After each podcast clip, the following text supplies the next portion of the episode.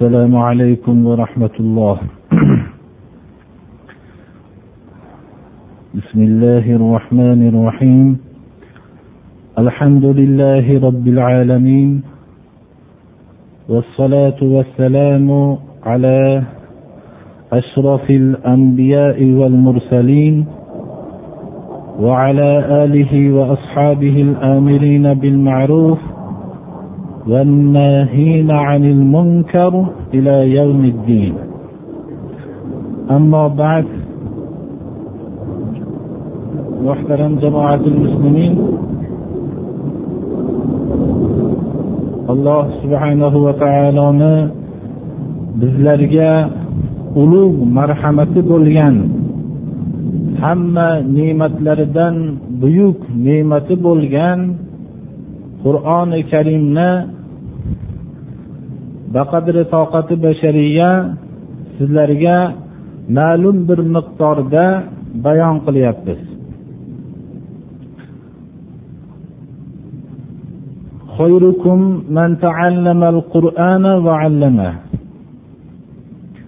shu hadis sharifga muvofiq sizlarning yaxshiliklar eng yaxshi kishilar qur'onni o'rganib o'rgatganinglar dedilar. Payg'ambarimiz sollallohu alayhi vasallam kishilarning mo'minlarni yaxshisini faqat qur'onni o'rgatganlargagina cheklab qo'ymadilar. Yoyinki o'rganganlarni o'ziga cheklab qo'ymadilar. Balki qur'onni avvalo o'zi o'rganib va o'zgalarga o'rgatgan kishilarni mo'minlar ichidagi eng yaxshi kishilar deb tayin qildilar muhammad alayhissalom. Shunga asosan mana shu baqadr hol o'rganayotgan qur'oni karimni biz qo'limizdan kelganicha mana shu yerdagi mo'min birodarlarimizga yetkazyapmiz. Ular ham mo'minlarning yaxshilari bo'lishlarini bo'lishlikni xohlashsalar mana shu yerdagi o'rgangan qur'onni o'zgalarga yetkazishlari shart shu mabodo bu mo'minlar ichidagi yaxshi kishi bo'lishlikni xohlasalar. Navbatdagi darsimiz surai qadrga kelgandik suratul qadr janobi rasululloh sollallohu alayhi vasallam makkai mukarramada turganlarida nozil bo'lgan. Oyatlari besh oyatni tashkil qiladi. Surai qadr insoniyatga tushirilingan ne'matlar ichidagi eng buyuk ne'mat bo'lgan qur'oni karimni eng bashariyat ustida o'tayotgan kunlarning eng qadrli kechasida tushirganligini e'lon qiladi. Kechaning qur'on tushgan kechaning ulug' buyuk bo'lishligining siri tamomiy qiyomatgacha bo'lgan bashariyatning hidoyatiga uni to'g'ri yo'lga yo'llovchi bo'lgan qur'onning nozil bo'lishligidadir. Alloh taolo mana shu kechanida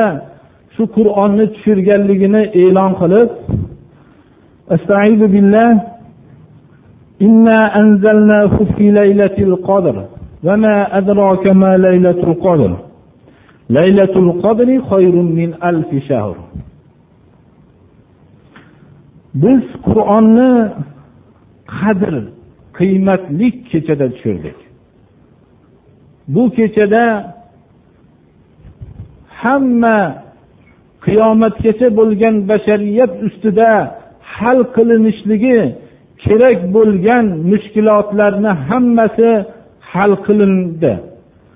Hal qilinadigan qur'on shu kechada tushlikdan boshlandi. Biz bu qur'onni qadrlik qiymatli kechada tushirdik. Bilasizmi bu qadr kechasining nima ekanligini? Qadr kechasini bilishlik uni mohiyatini bilishlik inson idrokidan yuqori turadi.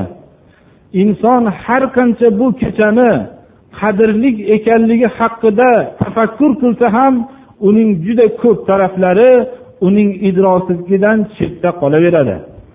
Chunki bu kechada sodir bo'lgan voqea tamomiy yer yuzidagi axloq to'g'risidagi razolatlarni hammasini ko'chirib tashlashlik shu kundan boshlandi.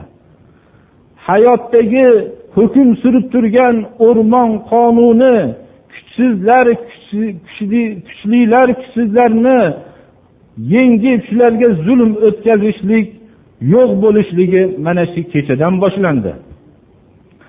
Tamomiy insoniyatga zaif insonlarga oliy dargoh aloqa bog'ladi. O'zining eng ulug' payg'ambarini mana shu kunda qur'oni karimning birinchi surasini tushirishlik bilan payg'ambar qildi. U kishiga ergashganlarni ana shu zotga ummat qildi. Mana shunday qadrli kechada qur'onni alloh taolo nozil qildi. Bu qadrli ekanligini bilishlik insonni idrokidan yuqoridir bilasizmi bu qadri kechani nima ekanligini? Ya'ni bu kalima arab tilida buni bilishlik darajasidan yuqori qadrli kecha ekanligini ifodalayapti. Laylatul qadr alloh subhanahu va taoloning shahodati bilan ming oydan yaxshiroqdir. Ming oy bu faqat adadni ifoda qilmaydi. Mana bizni o'zimizni tilimizda ham bu narsa mingta boshqa narsadan afzal deymiz. Bu kishi shunday komil inson bo'lganki mingta odamdan ham afzal degan so'zlarimiz bor. Bu narsadan biz mingta adabni maqsad qilmaymiz balki minglar minglardan ham afzal ekanligini ifoda qilamiz. Mana shu oyat kalima ham vallohu alam adab maqsad emasu bu laylatul qadr kechasi bu minglab minglab oylardan ham yaxshiroqdir degan mazmunni bildiradi. Bashariyat ustidan ming ming oylar o'tdiki bashariyat oqimini tarix oqimiga zarracha ta'sir o'tkazmasdan bo'lgan oylar o'tdi. Lekin bu kecha tamomiy insoniyat tarixini boshqa oqimga solib tashladi. Insoniyat shu kundan boshlab endi o'zining hayot o'lchovini odamlar havosi odamlarning fikridan olmadi.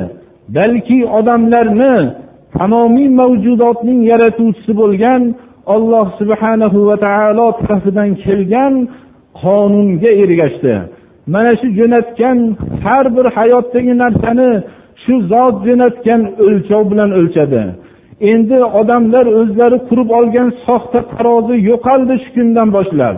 Olloh tarafidan jo'natilgan tarozi bilan odamlarning qadr qiymatlari o'lchadi. Shuning uchun ming yillar ming oylar o'tadiki hech qanday bashariyatga bir o'zgarish bu biror bir yarovli narsani olib kelmasdan o'tgan ming oylar bo'ladi. Lekin bu kecha tamomiy qiyomatgacha bo'lgan insoniyat uchun o'zgarmas bir kitobni nozil bo'linishligi mana shu kundan boshlandi mana تنزل الملائكة والروح فيها بإذن ربهم من كل أمر bu kechada butun rahmat farishtalari xususan tamomiy odam alayhissalomdan tortib oxirgi payg'ambar bo'lgan muhammad alayhissalomgacha tamomiy payg'ambarlarga ollohni vahiysini omonat bilan olib kelgan jibril alayhissalom ham mana shu kechada robbilarining buyruqlari bilan robbilarining ruxsatlari bilan tamomiy ollohni do'stlariga ollohni hukmiga itoat qilgan kishilarga hamma olloh tarafidan bo'lgan hukmlarni rahmatlarni olib tushadilar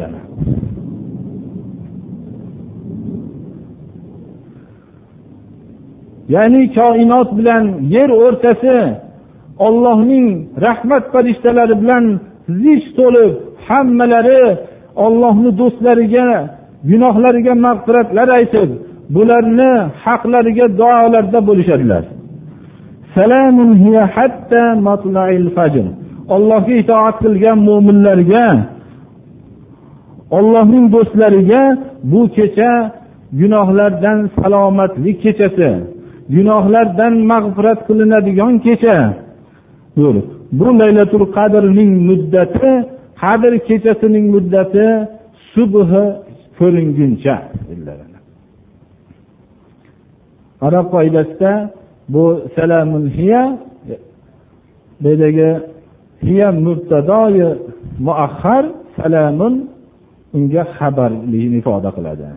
Laylatul qadr keyingi jumla to tong otguncha laylatul qadr qadr kechasining muddati bayon qilinyapti.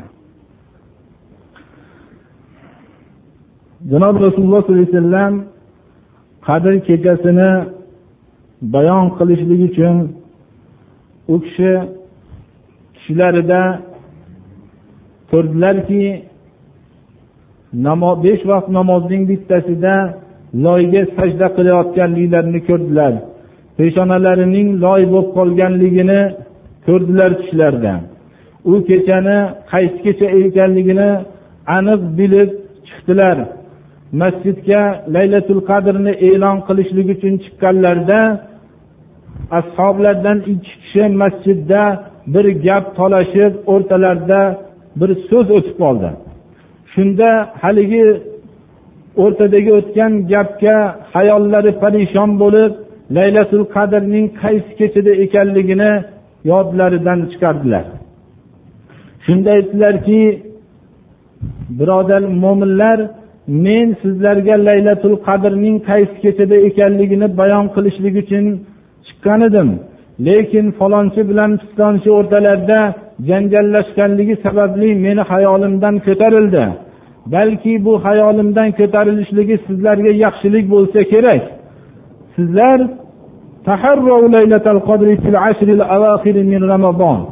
ramazon. Oyining oxirgi o'n kunligi o'n kunlik kechalaridan istanglar dedilar.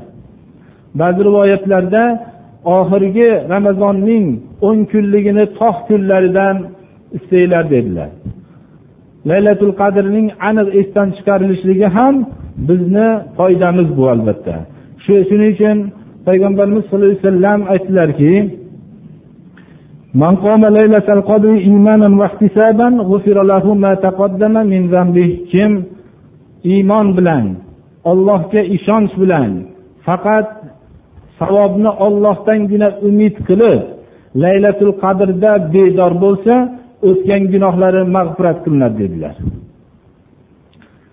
Payg'ambarimiz sallallohu alayhi vasallamning odat sharifalari oxirgi dahada e'tikof o'tirardilar shu ibodat qilardilar shu hamma kechada bedor bo'lardilar. Ummatga laylatul qadrni kutishlikni ana shunday olloh tarafidan qur'on nozil bo'lganlik ne'matini shukronasini shukunda bezor bedor bo'lishlikni ta'lim berdilar. Boshqa millatlarga mansub bo'lgan tamomiy bizni bayramlarni kuzatishlik bunaqa bedor bo'lishlik bunaqa bilan bo'lmaydi. Ko'proq bir ziyofat bir albatta bir ma'lum bir miqdordagi ovqatlar uyushtirishlik bilan bo'ladi. Bizni islomdagi mana shu narsa payg'ambarimiz sallallohu alayhi vasallam ta'lim berdilarki laylatul qadrda bedor bo'lishlik. Faqat shundan maqsad ollohga ishonganlikdan va savobni ollohdangina umid qilganlikdan bedor bo'lsa o'tgan gunohlari mag'firat qilinadi deb marhamat qildilar.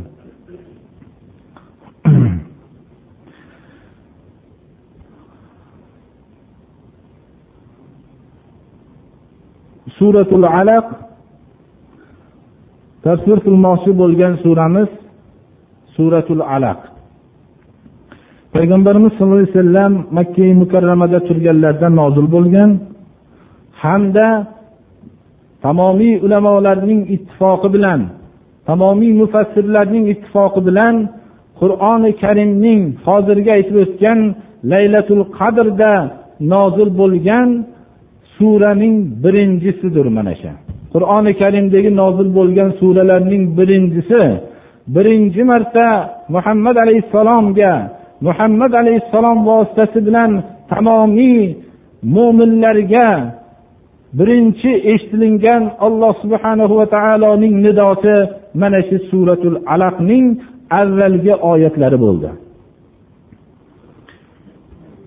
Suratul alaq o'n to'qqiz oyatni tashkil qiladi.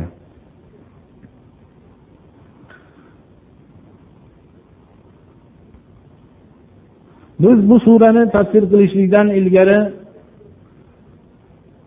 payg'ambarimiz sollallohu alayhi vasallamga demak birinchi nozil bo'lgan sura bo'lar ekan. Vahiy nozil bo'lishligi qanday suratda bo'lganligidan xabardor bo'lishligimiz munosibroqdir.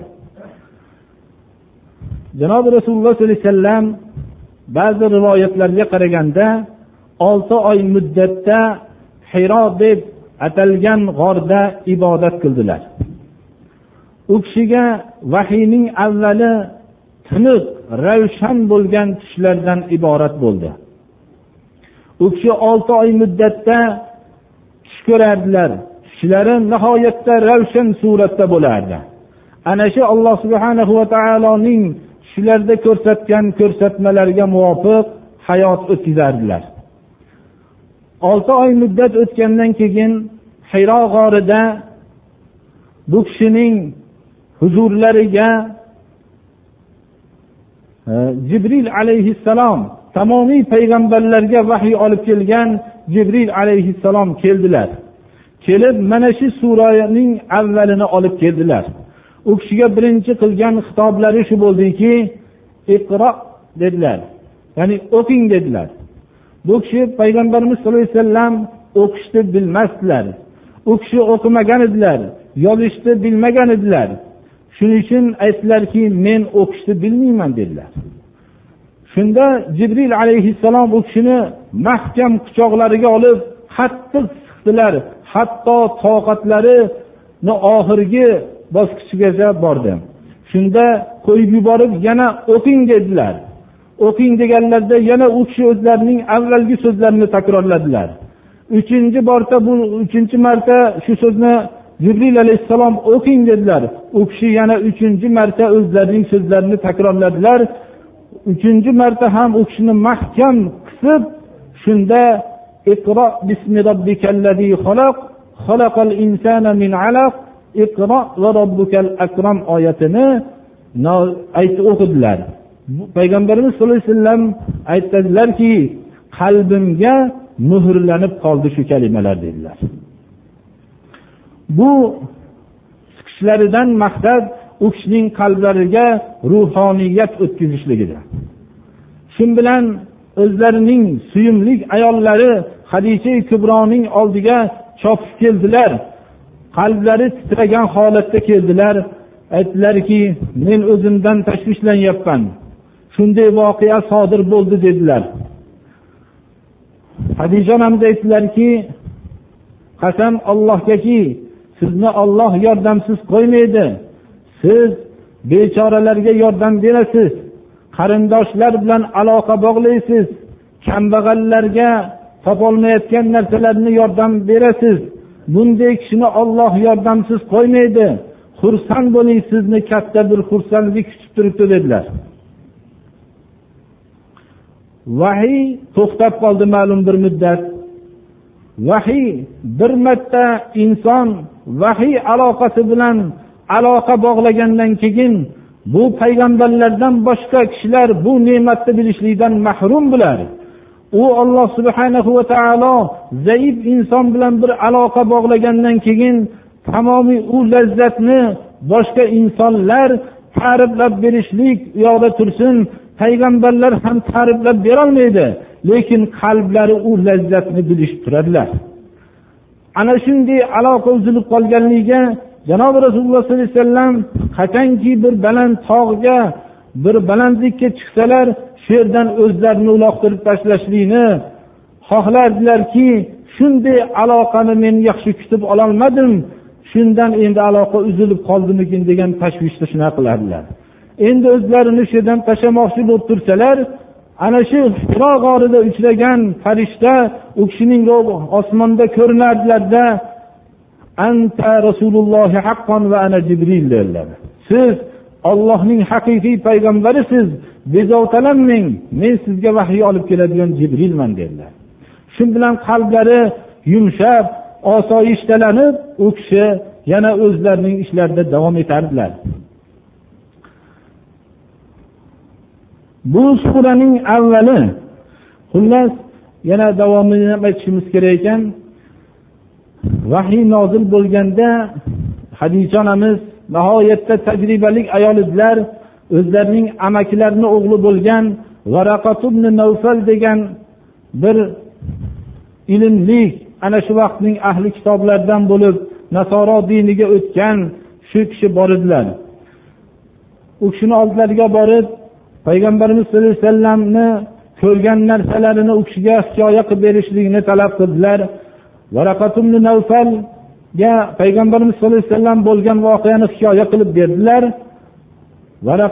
Navfal aytdiki bu sizga bu oyatlarni bu kalimotlarni olib kelgan nomus ya'ni jibril alayhissalom u tamomiy payg'ambarlarga vahiy olib kelgan koshkiydi men ana shu sizni payg'ambar bo'lgan kunlaringizda quvvatli yosh bo'lganim deydi.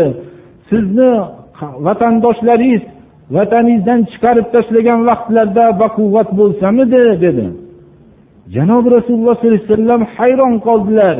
Quraysh xalqining ichida muhammad amin degan laqab bilan mashhur bo'lgan bu kishi o'zlarini xalqlari hech kimni bu darajada suymagan xalqlarining vatanlaridan chiqarib tashlashligi bu kishining hayollariga sig'madida nahotki meni shu xalqim vatanimdan haydab chiqarishsa dedilar. Shunda aytdilarki varaqa javobiga sizga o'xshagan yo'lni tarixda hech kim olib kelgan emas. Magar olib kelgan bo'lsa uni xalqi yomon ko'rib vatanidan quvg'in qilgan dedilar. Mana keyin vahiy alhamdulillahi robbil alamin paydar pay bo'lib ketdi. Ana shu vahiy ko'rsatmasiga asosan janobi rasululloh sollallohu alayhi vasallam hayotlarini va atroflarida yig'ilgan kishilarni shunga asosan olib bordilar. Nozil bo'lgan suralarning bittasi hikoya shu xabar rivoyatlarda borki bir yo'lda ketayotganlarida jibril alayhissalom yana ko'rinib qoldilar. Yugurib uylariga qo'rqqanlaridan qochib borib meni o'ranglar dedilar. O'raganlarida shu ya muddassir surasi nozil bo'ldi. Ey o'ralgan turing odamlarni ollohning azobidan ogohlantiring. Rabbingiznigina ulug'lang kiyimingizni poklang va odamlar sig'inayotgan butlardan voz keching degan oyat tushdi mana. O'ralgan o'rinlardan turib yigirma uch yil tinimsiz ummatni islom yo'liga da'vat qildilar mana shundan keyin. Mana shu sura bizni birinchi marta bizga alloh subhanahu va taoloning marhamat qilgan qur'on karimning birinchi nozil bo'lgan surasi.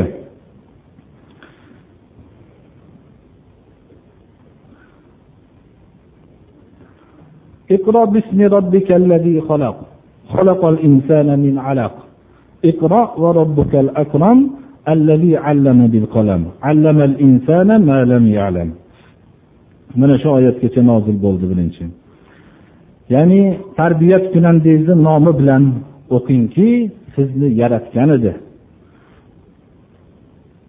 yaratib tamomiy siznigina emas balki tamomiy insonlarni yaratgan rabbingizni tarbiyat kunandangizni nomi bilan o'qing. Yaratib ham qo'yib qondan yaratdi. Qo'yib qondan shunday hammamiz guvohimiz bo'lib turgan ana shu ko'rib turgan mana shu insonlarni yaratdi. O'qing. Takrorki yana.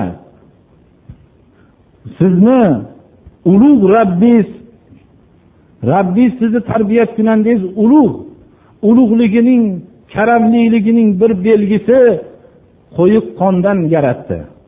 Va hamda sizga ta'lim berdi qalam bilan. Bu oyat nozil bo'lganda qalam bilan yozishlikni makka muhitida juda ozchilik bilardi. Biz hozir bilib turibmizki tamomiy insoniyatning bir biriga bo'lgan ta'limini qalami bilan bo'layotganligini nihoyatda ravshan suratda ko'rib turibmiz.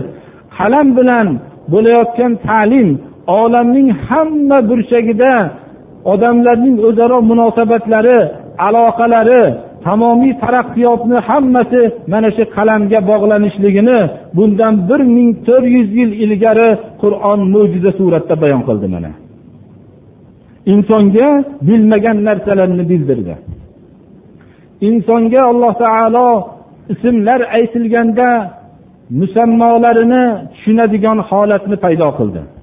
Agar alloh taolo bizga mana gapirgan vaqtida uni anglaydigan holatni bilmagan bermaganda biz bu narsani anglolmagan bo'lardik.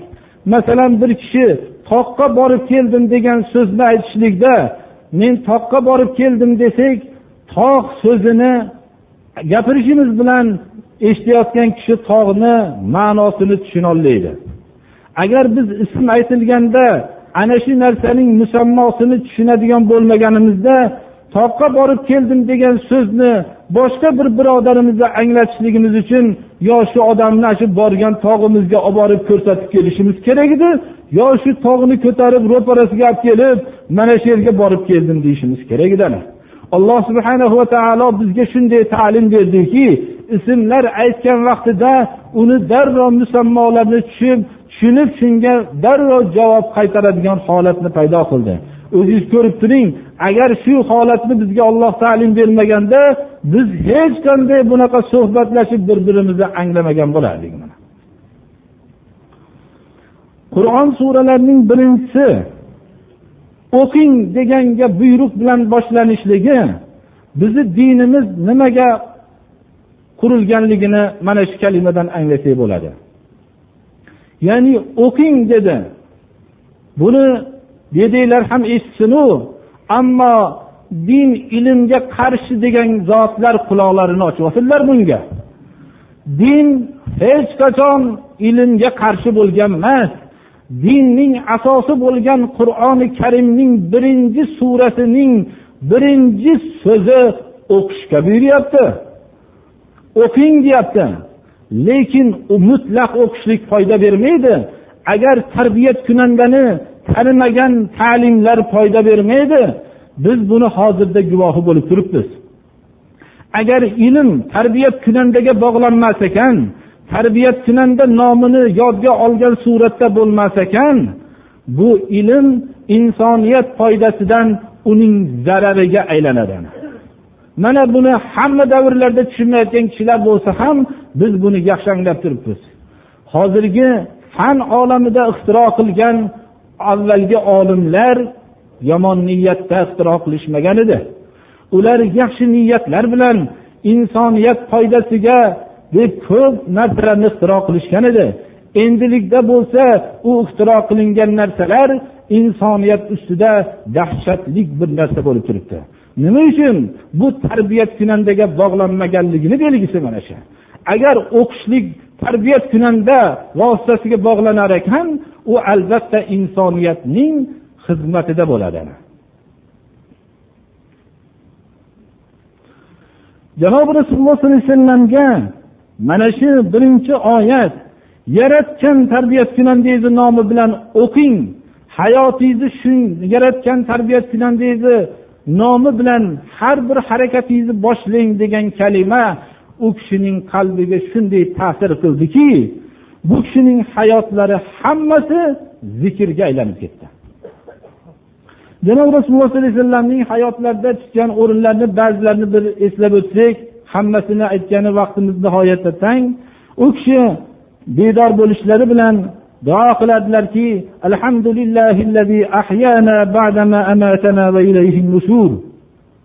bizlarni uyg'otgan zotga hamdlar bo'lsin. Bizni ruhimizni olib qo'yib keyin yana uyg'otgan zotga hamdlar bo'lsin. Albatta kelajakda ollohni huzurigagina boramiz deb o'rinlaridan turardilar. oysha onamiz aytadilarki rivoyatlarda janob rasululloh sollallohu alayhi vasallam kechda bedor bo'lsalar o'n marta allohu akbar derdilar o'n marta la ilaha illalloh derdilar keyin aytadilarki اللهم إني أعوذ بك من ضيق الدنيا وضيق يوم القيامة deb o'n marta aytadilar ya'ni xudoyo sendan pano istayman dunyoni tangligidan menga dunyoni tang qilib ko'rsatmagin va qiyomat kunidagi tangliklardan sendan pano istayman dedilar o'n marta aytadilar keyin kechqurunda o'qimoqchi bo'lgan namozlarni o'qirdilar ba'zi rivoyatlarda tong ottirganlarida لا إله إلا أنت سبحانك اللهم أستغفرك أستغفرك لذنبي وأسألك رحمتك اللهم زدني علما ولا تزغ قلبي بعد إذ هديتني وهب لي من لدنك رحمة إنك أنت الوهاب dedilar yakka ma'budimsan dedilar seni poklayman ayblardan xudoyo sendan gunohimga istig'for aytaman rahmatingni so'rayman menga ilmimni ziyoda qilgin qalbimni o'zing to'g'ri yo'lga yo'llaganingdan keyin adashtirmagin menga o'zingni huzuringdan rahmat bag'ishlagin sen marhamatli zotsan dedilar uylaridan chiqqanda bu hozirgi o'qilgan nima abu dovudni sunanlaridan bu kishi uylaridan chiqqanlarida bismillahi tavakkaltu alalloh اللهم إني أعوذ بك أن أضل أو أضل أو أزل av azlima av ublama av ajhala av yujhala alayya deydilar xudoyo o'zingni noming bilan ko'chaga chiqyapman. O'zingga tavakkul qildim. Men sendan panoh istayman ko'chaga chiqib o'zingni yo'lingdan adashib qolishlikdan. Birovlarni bo'lsa adashtirib qolishlikdan ham panoh istayman noto'g'ri so'zni aytib. Yoyinki toyilishlikdan. Yoyinki birovga zulm qilib qo'yishlikdan yo birov tarafidan zulmlanishlikdan pano istayman. Yo birovga johillik qilib qo'yishlikdan yo birov tarafidan menga johillik qilinishligidan pano istayman deb chiqardilar. Masjidga kirsalar xudoyo o'zingni rahmatingni darvozalarini menga ochgin deb kirardilar. masjiddan chiqsalar xudoyo fazlingdan so'rayman deb chiqardilar. Yangi kiyim kiysalar alhamdu allohumma lakal hamdu anta as'aluka khayrahu va khayra ma suni'a lah va a'udhu bika min sharrihi va sharri ma suni'a lah dedilar. Xudoyo o'zingga maqtovlar bo'lsin sen bu kiyimni menga berib kiydirding. Sendan shu kiyimni yaxshiligini so'rayman. Bu kiyim uchun qilingan narsalarni yaxshiligini so'rayman. Shuni yomonligidan pano istayman deb duo qilardilar. Kiyimning yaxshilik yomonliklari borligi kiyim insonlar faxr uchun kiyadi. Bu yomonligi kiyim insonlar xudo menga shu ne'matini beribdi deb kiyishadi. Bu kiyimning yaxshiligi har bir amallarida alloh subhana va taolodan zarra miqdorda g'aflatda bo'lmasdan hayotlarini o'tkazardilar uylariga qaytsalar alhamdulillahi kafani va ag'ani والحمد لله الذي أطعمني وسقاني والحمد لله الذي من علي أسألك أن تجيرني من النار allohga ham uylariga qaytib kirsalar alhamdulillahki ko'chada menga zarar yetkazmagan allohga hamdlar bo'lsin. Meni uyimga joylagan allohga hamdlar bo'lsin. Allohga hamdlar bo'lsinki yedirgan ichirgan. Allohga hamdlar bo'lsinki menga marhamat qilgan. Yana o'zlarining qalblaridan salomatlikni hammasi shu emas balki haqiqiy salomatlik do'zax o'tidan salomat qolish deb xudoyo do'zax o'tidan meni salomat qilgin dedilar.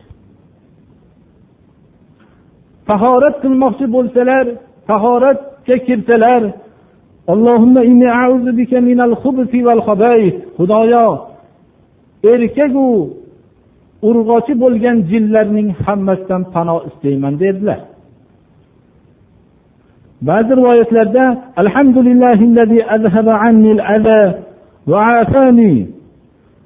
alhamdulillahki ya'ni tahoratdan chiqqanlarida ekan xudoyo mendan menga zarar beradigan narsani ketkizgan ollohga hamdlar bo'lsin. Menga ofiyat bergan ollohga hamdlar bo'lsin dedilar. Ba'zi rivoyatlarda tahoratdan chiqqanlarda g'ufronak dedilar xudoyo mana shu ne'matingga hozir tahoratdan chiqqan ne'matim ne'matingga shukur qilolmayman shukur qilolmayotgan nuqsonimni o'zing kechirgin deb chiqar ekanlar oyni ko'rganlarida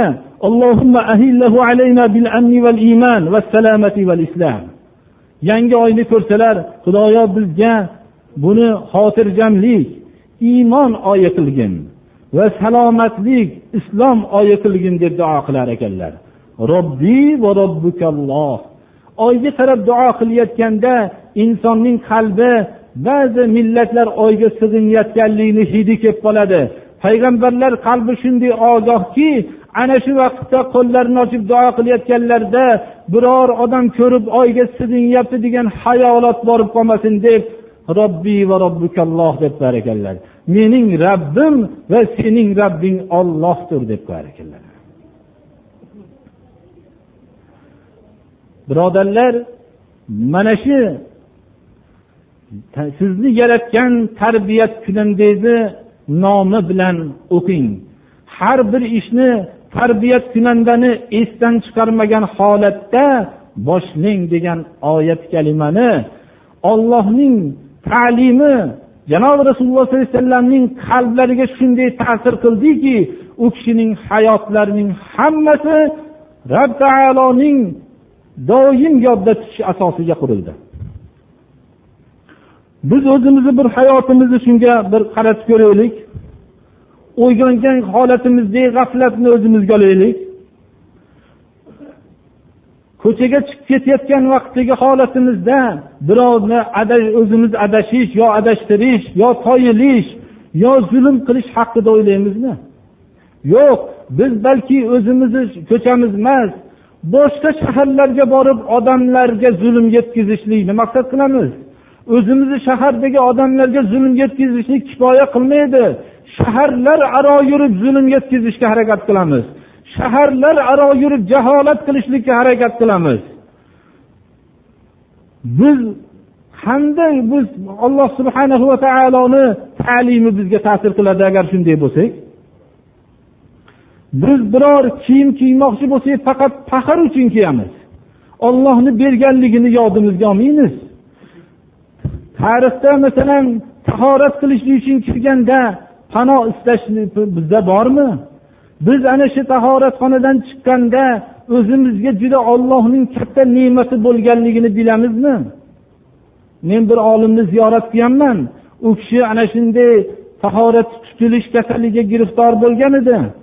Bir kun kirsam menga o'zlari e'lon qildilarki xursand o'tiribdilar. Biror xursandchilik bo'lganmikin deb so'rasam u kishi bugun yoshligimda yong'oq o'ynab yurib shunday o'yini kulgi qilib turib pishitib ketib tahoratda yozilganimdaqa yozildim shunga xursand o'tiribman dedilar. Va yana aytdilarki yer yuzidagi hamma shirinliklarni hamma narsalarni yig'ishtirib kelinganda xudoning mana shu ne'matiga barobar bo'lmas ekan afsus shu narsani bilmabmiz dedilar. Payg'ambarlar qalbi shunday ogohki ular tandurust turishganlarida ana shunday kasalga giriftor bo'lgan odamlar tushunganidan ham yuqoriroq tushunishadilar. Ana shu narsani mana shu har bir holatlarida har bir harakatlaridagi shu ta'limi ilohiy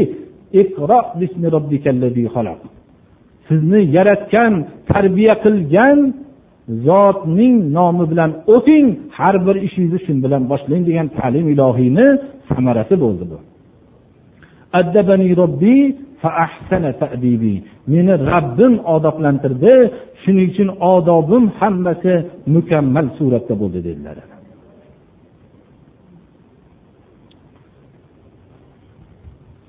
Endi shunday qo'yib qondan yaratilingan inson va uning o'zi robbi tarafidan qalam bilan ta'lim olgan inson robbi tarafidan bilmagan narsalarni bilgan inson albatta rabbini tanishligi kerak edi.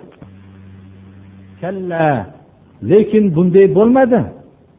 Inson tug'yonkorlik qildi. Inson doim tug'yonkorlik qiladi. Nima uchun?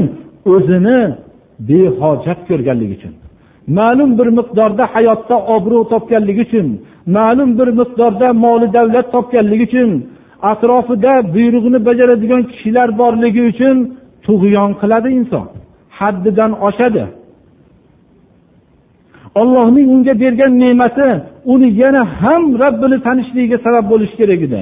Lekin inson ana shunday o'zini ma'lum bir miqdorda behojat ko'rgandan keyin tug'yoniga sabab bo'ladi bu. Lekin tug'yon qilib qayerga borardi? Tug'yon qilib nima qila olardi? Faqat boradigan o'rin ana shu tarbiyatkunangiz oldigadir undan boshqa joyga bormaydi. Tug'yon shunday zararli narsaki tug'yon sababli inson o'zining yo'lini yo'qotadi. Tug'yon bo'lgan qalb hidoyatlanolmaydi. Tug'yon ana shu fir'avnni men sizlarning oliy tarbiyatkunandanglarman degizdirgan narsadir tug'yon mana mana tug'yonning misollaridan bitta namunasi أرأيت الذي ينهى عبدا إذا صلى أرأيت إن كان على الهدى أو أمر بالتقوى أرأيت إن كذب وتولى ألم يعلم بأن الله يرى payg'ambarimiz sallallohu alayhi vasallamni abu jahl namoz o'qiydimi yuzini tuproqqa bulaydimi deb so'radi. La'natullohi alayh. Makka mushriklari ha deyishdi agar men shuni bir shunaqa holatda ko'rsam oyog'im bilan bo'ynini detsayman dedi. Payg'ambarimiz sallallohu alayhi vasallam namoz makka kabatulloh oldida namoz o'qiyotganligini ko'rib men seni namoz o'qishdan qaytarmaganmidim dedi abu jahl. Mana shu narsani alloh taolo bizga aytib beryaptiki ko'rmaysizmi namoz o'qiyotgan vaqtda bandani ya'ni muhammad alayhissalomni namozdan qaytarayotganini?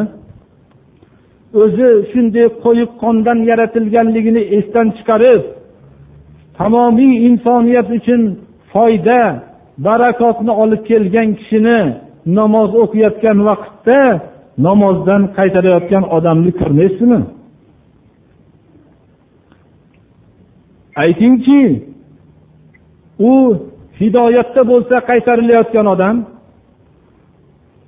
va hamda taqvo ishlariga buyurayotgan bo'lsa bu qaytaruvchi odam bo'lsa haqni yolg'on degan bo'lsayu haqdan bosh tortgan bo'lsa mana qiziq ishni aytmaysizmi? Mana qiziq ishni ko'ringki ana shu qaytarilayotgan zot hidoyatdayu taqvoga buyuryaptiyu qaytaruvchi malun abu jahl bo'lsa u o'zi haqni yolg'on deb. Va haqdan bosh tortib yana shu behayolik bilan o'ziga haqni yolg'on deyishligi kifoya qilmasdan haqda yurgan zotni qaytaryapti. Mana uni ko'rmaysizmi qiziq ishni.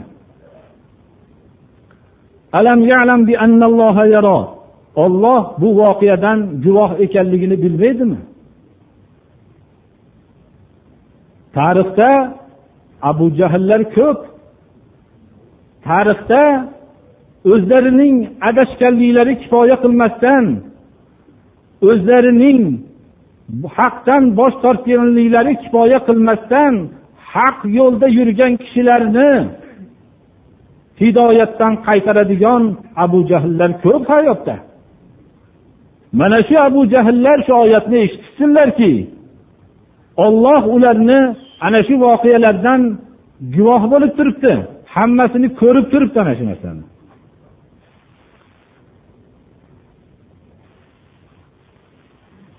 Abu jahl payg'ambarimiz sallallohu alayhi vasallamga shunday muomalada bo'lganlarda payg'ambarimiz sallallohu alayhi vasallam uning oldiga kelib avlalaka summa avla dedilar. O'zingga ehtiyot bo'lib yurgin dedilar. Meni hidoyat yo'lidan qaytarmagin dedilar. Shunda abu jahl meni meni qo'rqitasanmi yo muhammad? Men odamlari ko'p odam bo'laman deb shunday dedi. Ana shuni alloh taolo shu voqeani payg'ambarimiz sallallohu alayhi vasallamga shu tasalli beruvchi oyat nozil qilyaptiki yo'q u o'zining majlis ahllarining ko'pligi bilan faxrlanmasin. Majlis ahllari bilan ko'pligi bilan muhammad alayhissalomni qo'rqitmasin. Agar bu fe'lidan tiyilmasa uning ana shu takabburlik qilib yurib takabburligi ko'rinib turgan peshonasidan mahkam ushlaymiz bu kazzob bo'lgan peshonani ushlaymiz bu xatokor bo'lgan peshonani ushlaymiz. Chaqirsin ana shu ahli majlislarini chaqirsin ana shu odamlarni hammasini. Yaqin kunda biz do'zax posbonlarini chaqiramiz. Ana shunda u haqiqat nima ekanligini yaxshi biladi. Va da'vat egasiga janobi rasululloh sollallohu alayhi vasallamga tasalli qilib shu oyatni tushiryaptiki kalla siz bularning gaplariga quloq solmang. U kishiga tasalli berib bunday abu jahllarga itoat qilmang. Siz sajda qiling ollohga qurbat hosil qilib o'zingizni da'vatingizda davom etavering. Biz yaqin kunda ularga do'zax posbonlarini chaqiramiz ana shunda ular haqiqatini bilishadilar. Mana bu oyat kalima har bir da'vat qilayotgan kishiga bir ibratki ular bunday zamon abu jahllarga quloq solmasdan o'zlarining da'vatlarida davom etsinlar allohga qurbat hosil qilishda davom etsinlar.